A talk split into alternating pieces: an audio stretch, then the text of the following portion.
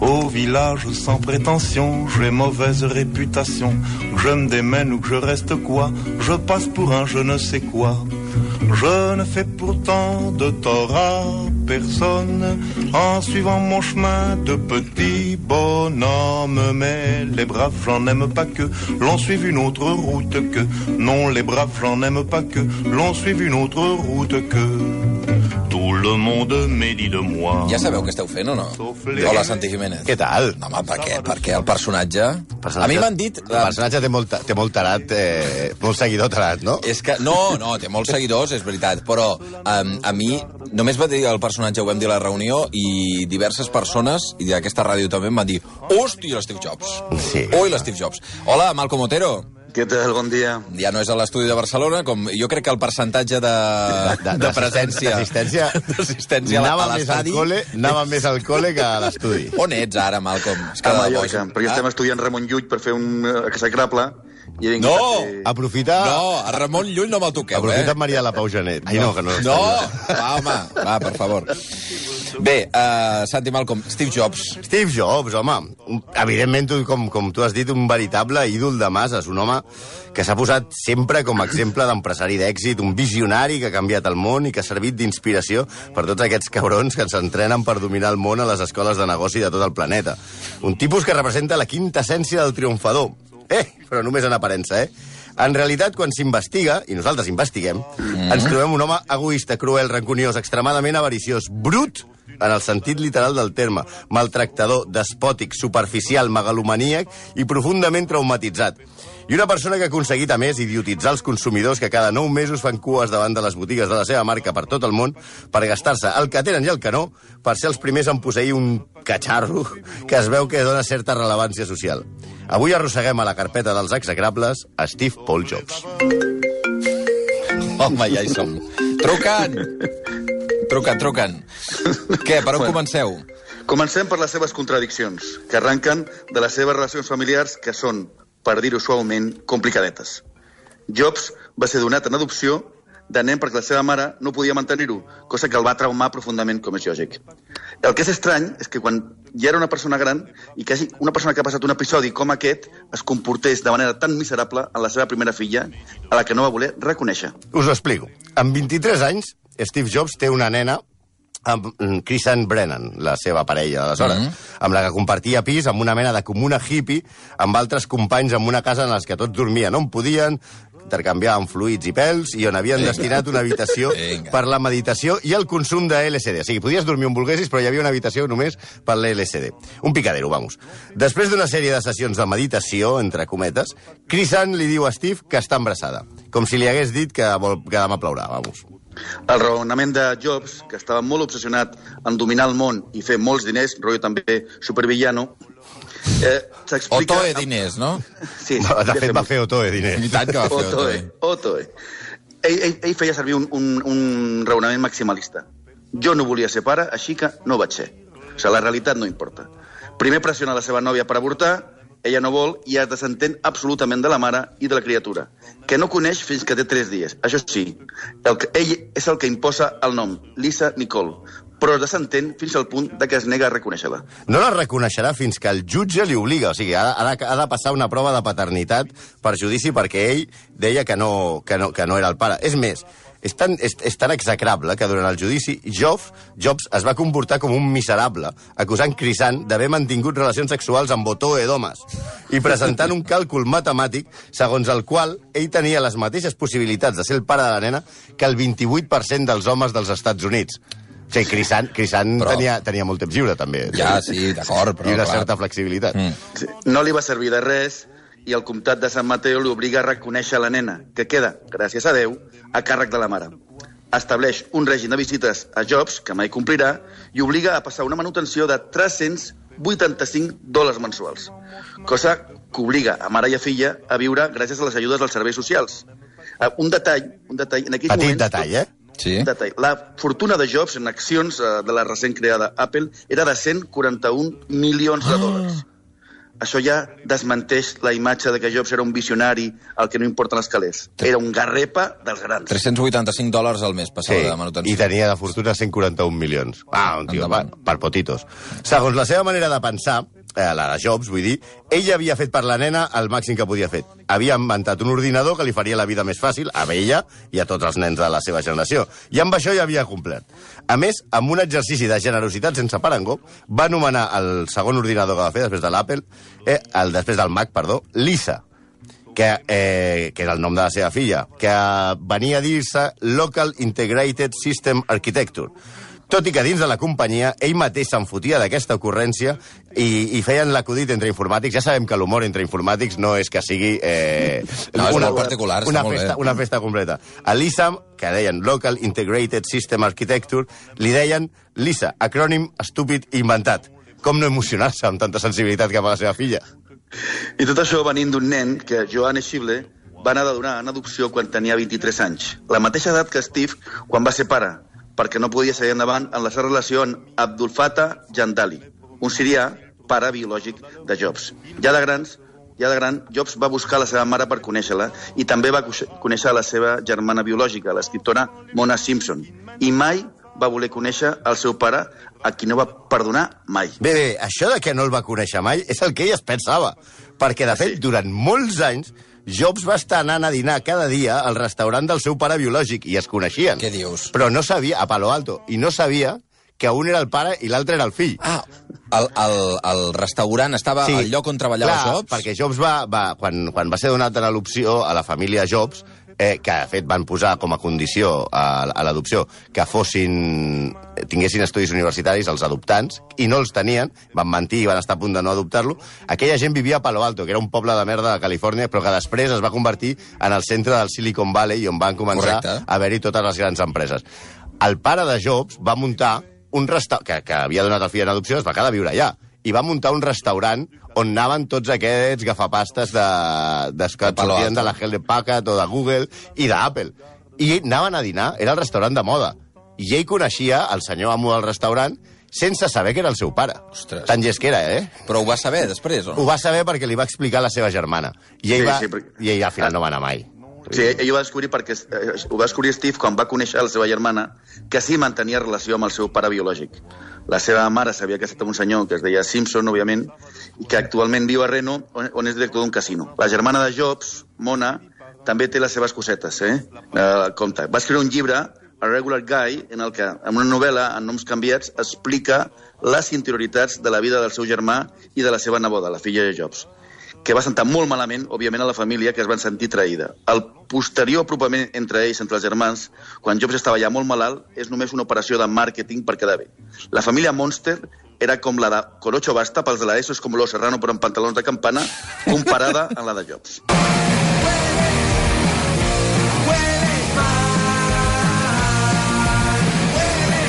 Aquest punt que així una mica remores és un homenatge als 70 que farem després, o no? pot ser, evidentment, els 70 és una època de, de pèl i poca dutxa. Eh, Vinga. aquí, Au, però ja bàsicament... No, i sempre s'ha de faltar. Però, a veure, no és d'estranyar, però va més per la lletra de la cançó, eh? per el Well Mal. No és d'estranyar que un tipus que manté aquestes relacions amb la família a la feina sigui encara més miserable. Però comencem pel petit detall que a la seva primera feina a l'empresa de videojocs Atari el van haver de posar al torn de nit perquè cap dels seus companys suportava la seva olor corporal, ja que Jobs estava seriosament barallat amb la dutxa i el sabó. Eh, ell deia que era insuport, impossible... Això és veritat o no? Sí, sí, absolutament. Sí, sí, veritat, veritat. Això és absolutament veritat. Feia molta pudor, no es dutxava. No es dutxava i no banyava. Ell deia que era impossible que O fes... toe pudor. Ell, ell deia que era impossible que fes pudor perquè deia, jo no fumo i a més sóc vegetarià. El Ah, meu, llavors, el, el meu tant- cos... Sí, tu seràs vegetarià, eh, no fumaràs i seràs vegà, però el que és, ets un marrano, tio. Un marrano. Dutxa. Però què vols dir? Que pensava que com, amb la dieta que portava Era un ti- no podia, no podia fer, fer pudor perquè el cos autorregulava, però clar, si al final acaba, no, no et dutxes, doncs realment aquestes coses has d'explicar ara que ja acabo de passar una cursa popular. Ah, sí, que estava aquí sota? La no, cursa? no, al costat de casa meva, la, Ah, la que d'acord. posen cada 15 dies. D'acord. Però, o sigui, Estàs de recollint ser- el testimoni del Leslie, tu, ara, no? De fer de Hòsties, el, el Leslie de... i jo podem, podem cremar, vamos, amunt i avall, hòstia, Amunt avall. Montaner, amunt i avall, vinga, va. a més de ser un guarro i un tarat com, com, com estem veient, era un mal bitxo i un mal company. Steve Wozniak, el seu soci i amic de tota la vida, almenys això es pensava ell, amb el que va fundar Apple, va confessar que no va poder reprimir el plor quan va, arran d'una publicació en les biografies de Jobs, es va assabentar de que el seu col·lega el timava des de l'inici. Tots dos, molt jovenets, van fer per Atari el joc mm, Breakout, conegut aquí com Pong, i Jobs li va dir a Wozniak que li van pagar 700 dòlars, li va donar 350. I després que es va assabentar que va cobrar 5.000 qui no voldria fer negocis amb Steve Jobs? Però això ja amb, una, amb uns ni nivells aquests, eh? Sí, quan L- comença... Tu imagina que comences, Sí. treuen el joc aquest... El joc aquest Pong és el de... Pels de l'ESO, que ara només fan que matar coses amb ulleres d'aquestes. Sí. Sí. És aquell de, del, del palet que va trencant eh, maons. Ah, sí. Aquests el van inventar Jobs i Wozniak, per Mhm. Atari. Eh, I ell diu que... Li I diu, va dir, bueno, "Escolta, però anem a mitja, m'han sí. pagat 700 Quant t'han donat? dòlars. 700, té 350. Li van pagar 5.000, cabron! Rata! I se'n se I, va no- quedar... I no, la va, I no s'ho va gastar precisament en, en, en, en Sànex. No, això no. se'n va, se'n va quedar 4.650, està bé. Un gran home. I no li va donar tampoc a la mare de la seva filla. No, tampoc, diguem, no? tampoc, tampoc. La vampirització que, a més a més, a, a, exercia Jobs sobre el talent de Wozniak és un tema recurrent a totes les biografies del geni que volen deixar-lo malament. Wozniak era l'enginyer que solventava els problemes tècnics i Jobs un gran venedor, propagandista a la marca i a la mena de gurú, no? I, a més a més, un envejós. Perquè a la primera junta d'Apple, quan ells formen l'empresa, els treballadors els hi van donar una targeta eh, per entrar a l'empresa amb un nom, amb el nom, que era el seu, i un número. A Wozniak li van donar la targeta número 1 i a Jobs la número 2, cosa que el va posar a la olla. No va parar fins que va aconseguir que el Consell d'Administració eh, aprovés en els estatuts de l'empresa que es pogués fer la targeta número 0, que se la va quedar ell. Per cert, per tots aquests eh, que esteu obsessionats amb el, amb, amb, el, amb, la, amb la, el romanticisme d'Apple, Wozniak ha confessat, atenció, que no van fer l'ordinador en un garatge, que és mentida. Ah, no? No. És una història, això diu entre cometes Wozniak, és una història inventada per Steve. I a més a més també va dir la següent frase. L'objectiu d'Apple des del principi no era canviar el món, sinó incrementar el valor de les accions. O sigui, tots aquests que diu, vale, molt guai, van començar amb un, amb un garatge per canviar el món i tal, no, Otoe mentida. Ara això, això sí, eh? ara Wozniak, que ja no és, és milionari i no treballa a Apple, se'l pot veure cada nou mesos fent cua a les botigues d'Apple a la nit, aquestes cues de tarats que es posen allà per comprar-se el, el telefonet, cada cop que surt el nou iPhone, per comprar-se'l. Eh, potser, si és així de tontet, alguna mica de raó tenia Steve quan el timava, eh? S'ho tenia merescut. Com a màxim responsable de la companyia, eh, les formes de Jobs no van millorar massa, eh? A l'extreme- extremadament crític llibre de Mac Daisy, Agony and Ecstasy of Steve Jobs, s'explica les miserables condicions dels treballadors de la factoria a la Xina, a Shenzhen i a Honghai, on els treballadors són obligats a treballar en un règim gairebé militar i són obligats a signar un contracte, alerta, en els comprometen ells i les seves famílies a, a no denunciar la companyia en cas d'accident, lesió o suïcidi. Clar, si no passa res, tu et suïcides, però no puc... No, no, no, no, els... Però no denuncis. No denunciï. I encara hi ha més.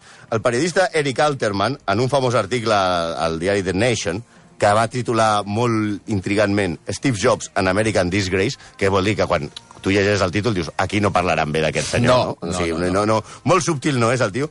Diu, explica que Steve Jobs hauria aconsellat al president Barack Obama imitar el sistema xinès de producció i permetre a les grans empreses dels Estats Units fer el que volguessin amb el medi ambient i els treballadors. Que el tio, quan van a muntar l'empresa a la Xina per fabricar els components dels Macs, li va dir... Això és la punyeta. Diu, tio, però si a aquests tios els hi sua la polla absolutament al medi ambient, nosaltres què fotem aquí? Bueno, la gran, el gran tema, suposo, és que Steve Jobs s'hagués portat millor amb Trump. Home, Exactament, segurament. Sí, íntims amics haguessin sigut. Tot, tot i que l'empresa, la, la, la cosa és que tot i que l'empresa té uns beneficis brutals, en part per la concepció de les lleis impositives bastant laxes, ha rebut una multa de 13.000 milions d'euros per part de la Unió Europea i la declaració de la renda de Jobs i Apple tradicionalment surt com la de Florentino Pérez a cobrar. Aquí sí hi hagués algun assessor fiscal, aquest, o sigui, algú que ens pogués explicar com es fa perquè Sí. Apple i Florentino i Steve Cobrin. Jobs Cobren. cobrin, seria collonut.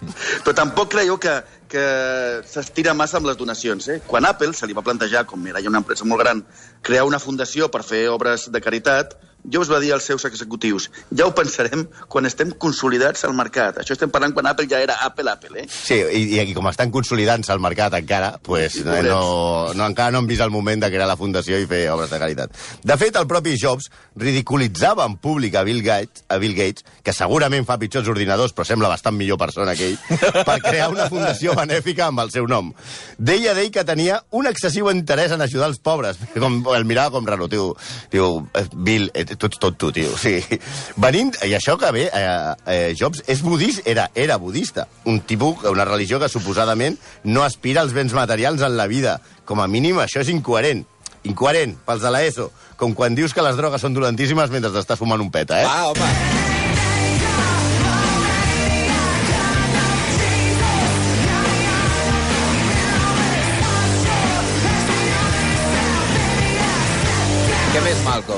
Sí, aquesta cançó que diu que es diu Megomale, es diu Meloman, Mego- Megalomaníac, nen, megalomaníac. en anglès, doncs ell, com la, la majoria dels megalomaniacs, no em sortirà mai, tampoc tolerava bé les, les crítiques. Durant el seu període, al front de la companyia, va fer que el poderós departament legal d'Apple demandés a tres blogaires, a tres blogaires, és a tres pringats, que escrivien notícies sobre la companyia i projectes futurs, portant-los als tribunals per tal que revelessin les seves fonts. Sí, i en la seva paranoia per tenir control a la política comunicativa de la corporació, Jobs va arribar a demandar a un nen de 13 anys, anomenat Nicolas Chiarelli, que escrivia grans elogis dels productes de la marca en un modest blog.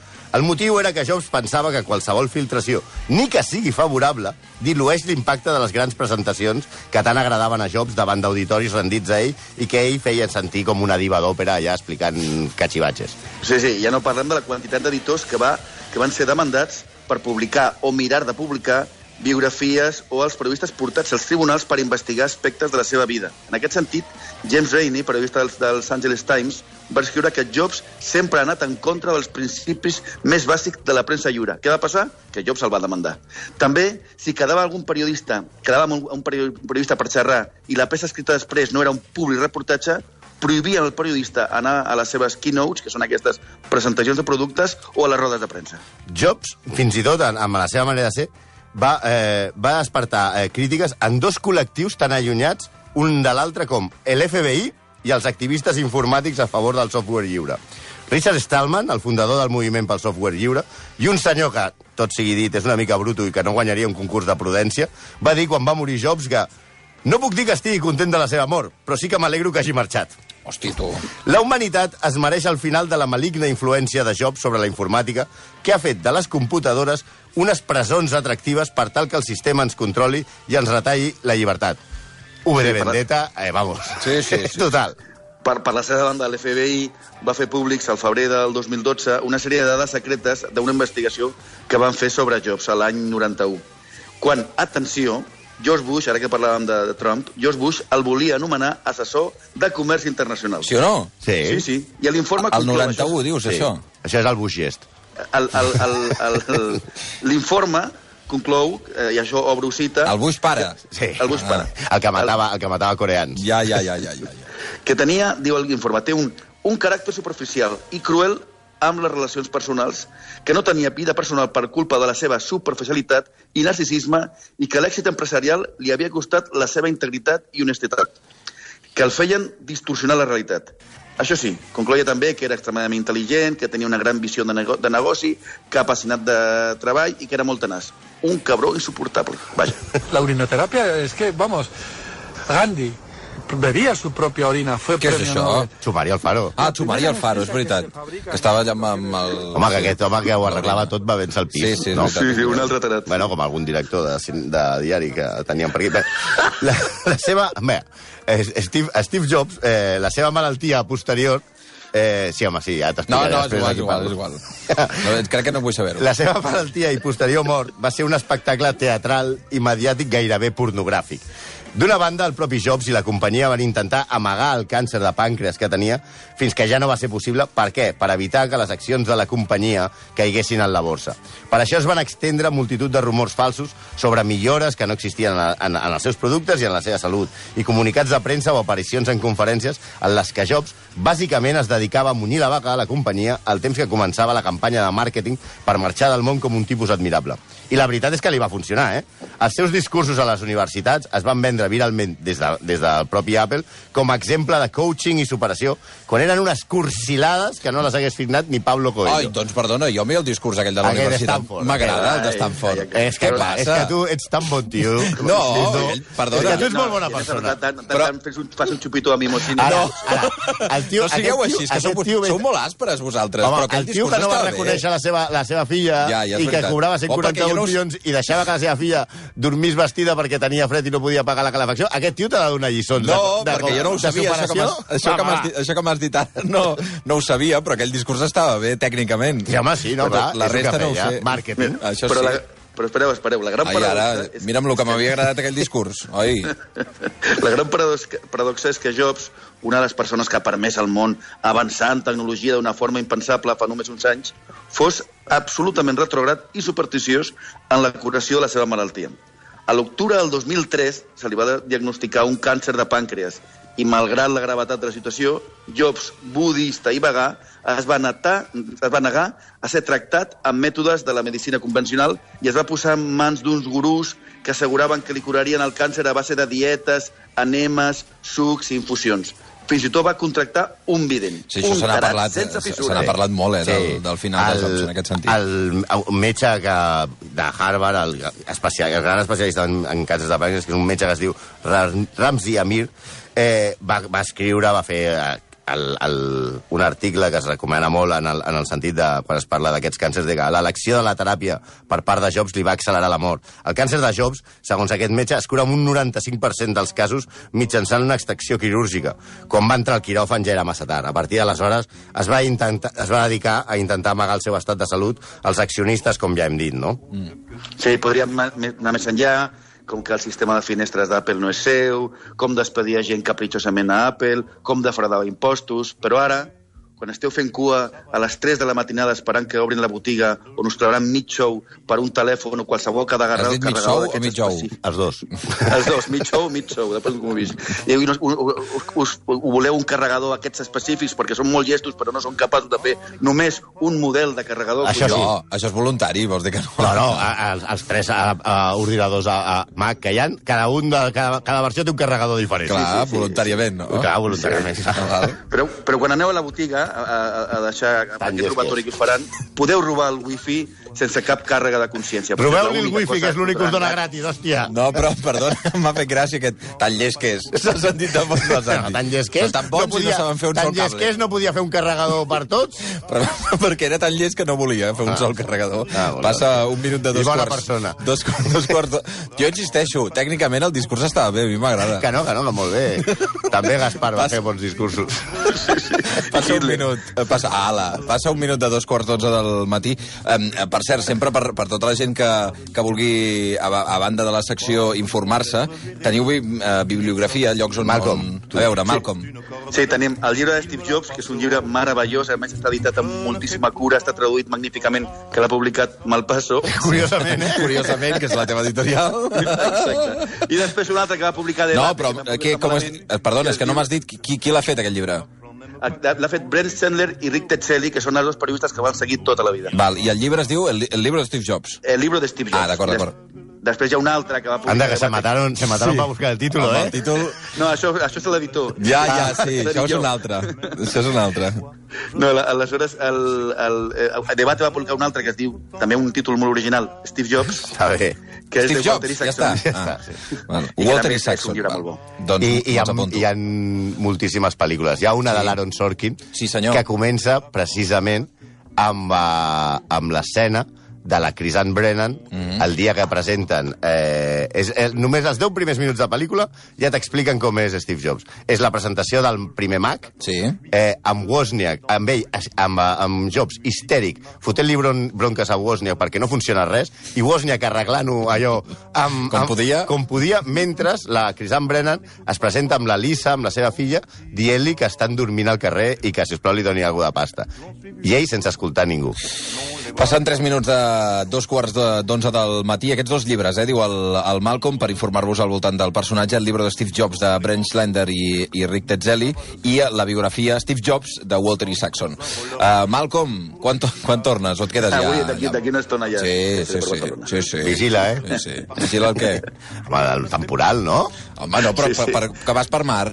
No, no, no. no. Ah, doncs ja està. El teu avi, el teu avi hagués anat per mar. Bé, um... ah, sí? Home, el, el seu avi era un gran mariner. Ah, un dia parlem del teu avi, doncs. Santi, moltes gràcies. Eh? Vinga, gràcies. Adéu, Malcolm. Adéu. Per cert, do, eh, passen 3 minuts de dos quarts d'onze al matí. De seguida ens n'anem cap a aquest eh, univers estrany que és Tritònia.